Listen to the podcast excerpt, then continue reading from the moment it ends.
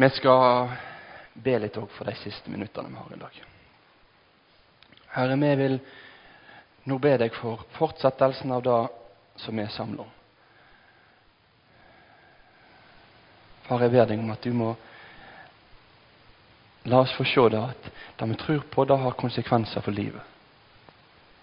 At det vi tror på, det gir oss en retning for hvordan vi skal få leve. Herre, gi meg vilje til å gjøre godt. Og vis du meg hva jeg skal gjøre i dag og i dagene som ligger framfor. I ditt navn ber jeg om det, Jesus. Amen.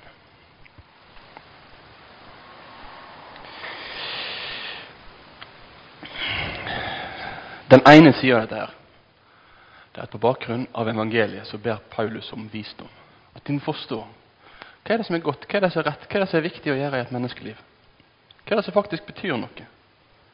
Hva er det annet handler om til sjuende og sist? Men det stopper ikke der. Det er ikke for at du skal liksom ha et svar på en prøve at du skal vite hva Guds vilje er. Hvis vi spør spørsmålet hva er Guds vilje, så må vi stille oss da spørsmålet fordi Guds vilje skal få prege vårt liv og vår hverdag. Det er ikke bare for at jeg liksom kan si det, dette er Guds vilje, men det er for at jeg skal få leve i det. Og Dette med lydighet da kommer da inn som en viktig del av Paulus sine bønner. Og jeg mener at På ulike måter så er det Paulus ber om til filipperne, til kolosserne og til tessalonikerne, det er at de faktisk må få være lydige. Lydig er kanskje ikke det ordet som vi oftest bruker, roper høyt om. At det å være kristen, det er å være lydig. Men det å leve som en kristen, det er faktisk å leve i lydighet mot Jesus, som har gitt meg alt. Jeg blir ikke kristen fordi jeg er lydig, men fordi jeg har fått kommet til tro på Jesus og blitt hans, så skal jeg få leve et liv i voksende lydighet mot han. Det ser ut som at Paulus han, han forstår at det er ikke alltid, det er ikke alltid lett. og da, De leser vi om andre plasser i Paulus sine brev at han kjemper sjøl med at ja, han ser at noe er Guds vilje, men samtidig er det mye imot han som stritter imot det. Gud sier sånn, men han vil noe annet. I Romerbrevet 7 så mener jeg at vi kan lese en del om det. Men vi ser også at når han skriver til tessalonikerne, i det andre brevet sitt, så ber han om at Gud må fylle de helt med vilje til det gode, og med tru som med kraft viser seg i god gjerning. Så han ber om at de må få vilje til å gjøre det som er godt, sånn at de kan gjøre det. Så vi skal få be også for vår egen del og for våre medmenneskers del om at jeg må få vilje, Jesus. Du ser, Spesielt når jeg kjenner på det i mitt eget liv, som jeg kjenner på av og til. Ikke bare av og til, ofte. At jeg ikke alltid har så lyst til å gjøre det som er godt. Så skal jeg få be Gud om at Gud, må du gi meg vilje, må du hjelpe meg å se hva som faktisk er godt, hva som faktisk betyr noe. At du, du, må, du må skape den lysten i mitt hjerte til å tjene min medmenneske til ære for deg. Så vil jeg si Så skal ikke jeg si amen, og så skal jeg sitte min egen stol. Og så skal jeg bare vente på at jeg får lysten før jeg gjør noe. Jeg skal få si amen. Så skal jeg få gå ut og skal fortjene mine medmennesker om jeg har lyst til det eller ikke. Om jeg kjenner at jeg er sykt gira på det eller ikke.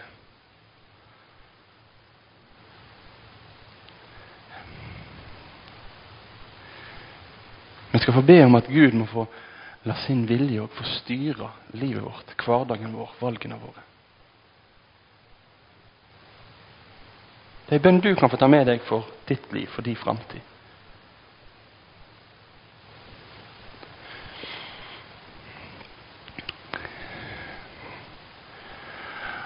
Så skal vi komme videre til det siste punktet. For Det siste punktet det handler egentlig da om til sjuende og sist om hvorfor i alle dager skal jeg da leve et liv i lydighet, i tro på Jesus. Hva er poenget med dette her? I alle de tre tekstene, både Filippabrevet, Kolosserbrevet og Tessalonikerbrevet, så avslutter Paulus bønnene Eller han avslutter i Koloss, han sier litt etterpå. Men de har et poeng knytta til at dette her er noen en skal få gjøre til lov og ære for Gud. At når en får leve et liv som er Herren verdig, så er det til glede for Han. Og at når en lever et liv som med kraft viser seg i god gjerning, så skal Herren Jesu navn bli herliggjort i dykk, og det i Han ved vår Guds og Herren Jesu Kristi nåde. Poenget til Paulus ser ut til å være at han ber om at disse menighetene her skal få følge Herrens vilje, sånn at Gud kan få ære gjennom det. Ikke sånn at de skulle bli løfta opp, ikke sånn at de skulle bli de store, men sånn at mennesket skulle få se Guds storhet i dette her. Til Guds ære. Der er egentlig eh, bønnen sitt endelige siktemål. Sånn avslutter Paulus disse bønnene. her. Han ber om at Gud må bli æra. Han ber på bakgrunn av det Gud har gjort, men så ber han om at da Gud har gjort må preg av mennesket, sånn at Gud kan bli æra. Gud kan bli løftet opp. Han som er den høyt, høyt opphøyde. Til Guds ære. Det er andre kristne tradisjoner enn den lutherske som er mer fokusert på akkurat disse ordene her. Går en til mer reformerte sammenhenger, så, så lyder dette her oftere som en tydeligere tone. Men det er ikke noe uluthersk med å si at vi skal få leve våre liv til Guds ære. Heller tvert imot. Det er djupt bibelsk. Jeg mener at det er helt, helt rett. Jeg skal få leve min hverdag. Jeg skal få leve mitt liv ikke med siktemål at jeg skal få det som jeg vil.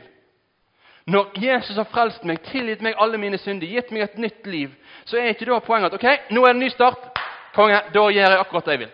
Endelig. Og da skal jeg få gjennomsyre bønnelivet mitt. da. Jeg skal gjøre akkurat det jeg vil, så da ber jeg om de tingene jeg vil ha. Da ber jeg om at jeg må få det, jeg må få det, jeg må få det. Og så blir bønnene mine egentlig bare et sånt redskap for min egen egoisme.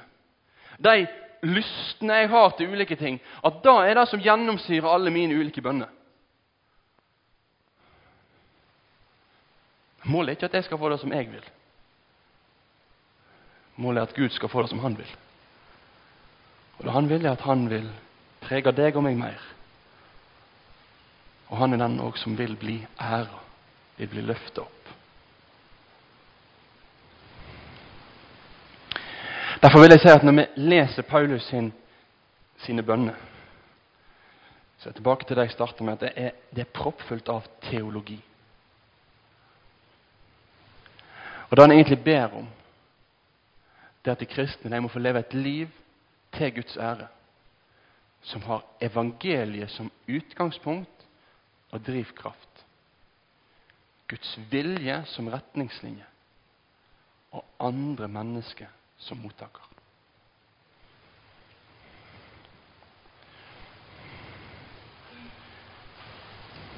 Det er summen av hans bønne, hvis jeg skulle prøvd å liksom koke den ned her på slutten.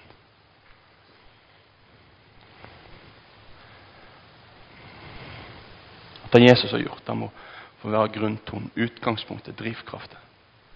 At det Jesus har gjort, det må få prege livet. At det som er Guds vilje, kan få vise veien hva som er godt, og hva som ikke er godt. Og så retningen på livet etter Guds vilje det er at en skal få gjøre godt mot sine medmennesker. Mot de jeg har rundt meg i min hverdag. Mot min neste. Og Noen vil på et nytt seminar om akkurat det, med nestekjærlighet. Men da tror jeg ikke jeg skal ta akkurat nå. Det får bli en annen gang. Kanskje dette kan få være noen ting du kan få ta med deg i ditt bønneliv òg.